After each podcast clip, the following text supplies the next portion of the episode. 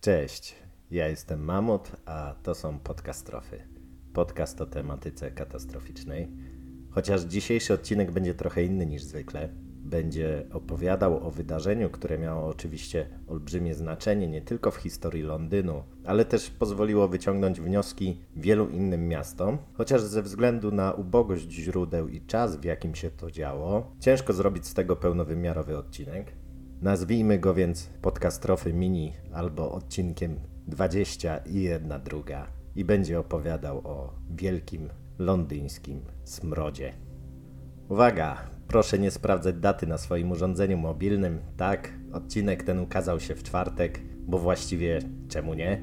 Chodził mi po głowie już od dłuższego czasu, ale postanowiłem, że będzie po prostu małym przerywnikiem między cotygodniowymi odcinkami. No chyba, że słuchacie podcastu metodą ciągłą, to nawet nie zauważycie, że coś jest inaczej niż zwykle. Ale nie ma w sumie znaczenia, jaki jest dzień i kiedy słuchacie tego odcinka, bo zamierzam zabrać Was do Anglii epoki wiktoriańskiej, a konkretniej do letniego, gorącego i śmierdzącego Londynu z okresu między czerwcem a sierpniem 1858 roku.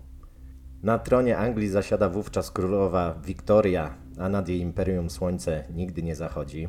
Jest to również okres szybkiego rozwoju nowych technologii, ale też często bardzo prostych w swoim zamyśle, ale jakże skutecznych rozwiązań, takich jak chociażby spłuczka toaletowa. I jeszcze sobie o niej wspomnimy. Populacja Londynu w 1801 roku przekroczyła milion mieszkańców, by zaledwie 50 lat później wynosić już powyżej 2,5 miliona. Szacuje się, że do 1858 roku dobijała już do 3 milionów. Nic więc dziwnego, że w mieście tej wielkości, które rozwija się tak dynamicznie, epidemie dysenterii, czerwonki czy cholery nie były niczym nadzwyczajnym, zwłaszcza kiedy większość mieszkańców miasta stanowiła jednak biedota, żyjąca często w warunkach, które dalekie były od jakiegokolwiek standardu higieny, a poziom wiedzy na tematy roznoszenia się niektórych chorób wciąż no, nie oszałamiał. Jeszcze przez wiele lat kiłę leczono rtęcią lub arszenikiem, nie mając nawet pojęcia, co tę chorobę wywołuje,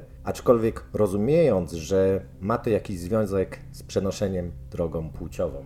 Epidemiologia dopiero raczkowała i w 1854 roku londyński lekarz John Snow podczas epidemii cholery w dzielnicy Soho jako pierwszy odrzucił hipotezy głoszące, że za cholerę odpowiada tak zwane złe powietrze i zebrał pierwszy w historii medycyny wywiad epidemiczny od osób, które zachorowały. I dzięki temu, no bo nie dało się jeszcze zwyczajnie przebadać próbek, udało mu się ustalić, że wszystkie przypadki zachorowań łączy jedno miejsce pompa przy Broadwick Street. Udało mu się przekonać lokalne władze do wyłączenia pompy z publicznego użytku poprzez usunięcie rączki służącej do pompowania wody, przez co epidemia szybko wygasła, potwierdzając hipotezę o przenoszeniu się cholery poprzez jakiś patogen występujący w wodzie. A pompa stoi tam do dzisiaj i dalej nie ma rączki, ale teraz upamiętnia Johna Snow i początki epidemiologii. I taki był Londyn w połowie XIX wieku i nawet jeżeli próbowano rozwiązywać pewne problemy, to raczej nie robiono tego kompleksowo, tak jak podchodzimy do wielu tematów dzisiaj, że zastanawiamy się i dokonujemy czasem bardzo skomplikowanych analiz, jakie skutki przyniosą pewne działania. I w latach 40. władze miasta zdecydowały, że należy zlikwidować istniejące w mieście szamba, co generalnie nie było złym pomysłem, bo postanowiono, że domy należy przyłączyć do sieci kanalizacyjnej, aby ścieki wyprowadzić poza miasto. Niestety Tamiza była w tym czasie częścią składową systemu kanalizacyjnego i nikomu zupełnie to nie przeszkadzało. No może z tym, że nikomu to trochę przesada, bo na problem zanieczyszczenia rzeki uwagę zwracał Michael Faraday i Charles Dickens, który zresztą nazwał ją w opowieści Mała Dorit zabójczym ściekiem, ale niczego to nie zmieniało. Każdego dnia do Tamizy trafiało 250 ton zanieczyszczeń. Dużo, mało, Typowy wagon węglarka ma ładowność 60 ton, czyli mamy tu ponad 4 wagony dziennie, a mówimy głównie o zanieczyszczeniach stałych, a nie o wodzie po myciu zębów. Panował wtedy pogląd, że cokolwiek wrzuci się do rzeki, to jej nurt i tak jest w stanie zabrać wszystko do morza, więc jest to genialny i całkowicie darmowy system usuwania czy to odpadków, czy to zanieczyszczeń. Jak nierealne były to wyobrażenia, miało się okazać już wkrótce. Nawet dzisiaj, przy niskim stanie wody, poszukiwacze pamiątek historycznych przeczesują brzegi Tamizy, przepłukując muł lub używając wykrywaczy metalu i praktycznie każdego dnia natrafiają na nowe i ciekawe znaleziska pochodzące właśnie głównie z epoki wiktoriańskiej i edwardiańskiej. Jakby tego było mało, coraz częściej w domach podłączonych do miejskiego systemu kanalizacyjnego zaczęto używać spłuczek w toaletach.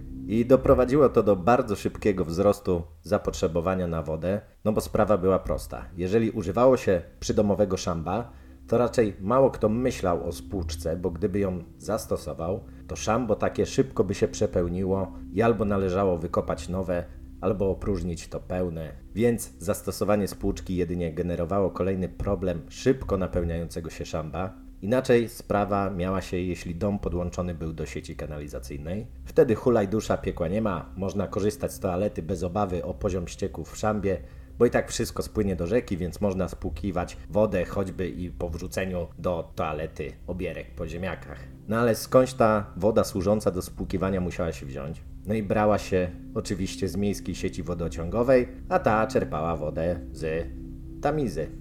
Trochę to naiwne myśleć, że rzeka zabierze wszelkie nieczystości w momencie, kiedy pobieramy z niej olbrzymie ilości wody, jakie potrzebne są miastu do funkcjonowania, a przecież woda nie jest potrzebna tylko w toalecie. Londyn nie żył wtedy z instytucji finansowych, IT czy turystyki, tylko produkował ogromne ilości dóbr wszelkiego rodzaju w mniejszych manufakturach, jak i całkiem sporych fabrykach. I takie gałęzie przemysłu jak browarnictwo, papiernictwo czy włókiennictwo zużywało spore ilości wody, oczywiście pobierane bezpośrednio z rzeki, a większość maszyn stosowanych w przemyśle była napędzana silnikiem parowym, gdzie jego zasada jest dość prosta. Spalamy węgiel, który podgrzewa wodę, ta przekształca się w parę, a ciśnienie pary zamieniamy w cylindrach w ruch obrotowy lub posuwisto-zwrotny, w zależności od tego, jakie urządzenie chcemy napędzić. No i okej, okay, tylko co się dzieje z parą? No, ulatuje do atmosfery, więc znowu musimy dostarczyć kolejnej porcji wody, żeby zamienić ją w parę. No skąd brać wodę? No przecież nie będziemy jej dowozić w beczkach, więc najprościej będzie ją ciągnąć z rzeki. Wszyscy więc ciągną wodę, niektórzy nawet trochę jej oddają z powrotem, ale generalnie saldo jest mocno na minusie i wtedy przychodzi lato 1858 roku, kiedy temperatura w cieniu dochodzi do 35 stopni Celsjusza, a na słońcu wynosiła nawet 48 stopni.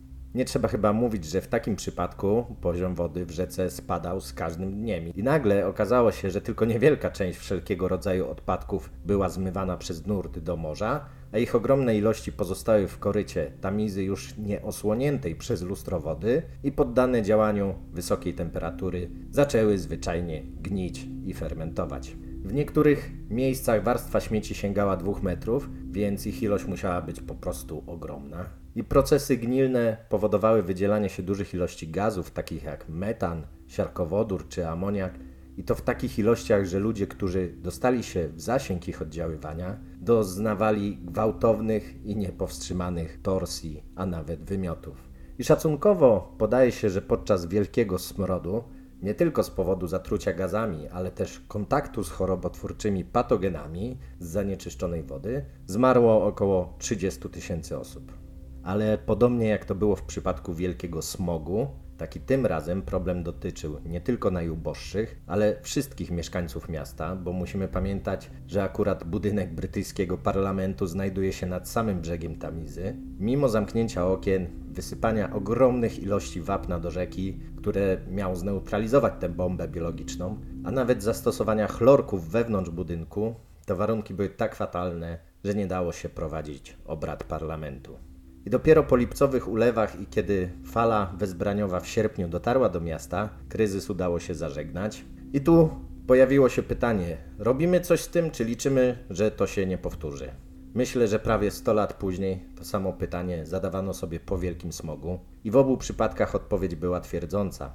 Wygospodarowano 3 miliony funtów szterlingów, co dzisiaj oznaczałoby 340 milionów funtów, na program poprawy jakości wód. W ciągu 16 lat wybudowano 8 przepompowni ścieków, 130 km wodociągów, 260 km kanałów ściekowych i 1760 km rur dopływowych. Przepustowość głównych kanałów była tak obliczona, żeby wytrzymała nawet czterokrotnie większą liczbę ludności niż w momencie jej budowy. I okazało się to strzałem w dziesiątkę i zapewniło miastu spokój w tym obszarze na kolejne 100 lat. Innym efektem było znaczące ograniczenie rozprzestrzeniania się szkodliwych patogenów i od momentu ukończenia inwestycji zakażenia czerwonką czy cholerą ograniczyły się do wąskich fragmentów pojedynczych dzielnic. W celu ograniczenia zużycia wody, część jej ujęć, czy to w celach spożywczych, czy też przemysłowych, zlokalizowano na innych ciekach wodnych, takich jak Lia czy Wei. I to jest ciekawe. Dochodzi do jakiejś sytuacji nadzwyczajnej. Londyńczycy i władze miasta sobie z nią radzą. Następnie prawie 100 lat później dochodzi do innej, ale równie groźnej sytuacji. Londyn jest już zupełnie innym miastem. Inni są jego mieszkańcy i też zupełnie inne są jego władze. I co? I radzą sobie równie dobrze, to nie tylko działając doraźnie, bo akurat w obu przypadkach niewiele dało się zrobić, ale przede wszystkim zapobiegając podobnym sytuacjom w przyszłości, co chyba jest idealnym przykładem do naśladowania. Odcinek ten powstał odrobinę przypadkiem. Kiedy przygotowywałem odcinek o wielkim smogu, natrafiłem na informację o wielkim smrodzie i od tego czasu gdzieś po głowie kołatała mi się myśl, żeby się z Wami tym podzielić i może zainteresować tematem. To nie jest standardowy odcinek, więc nie będzie standardowej formułki. Do usłyszenia w poniedziałek.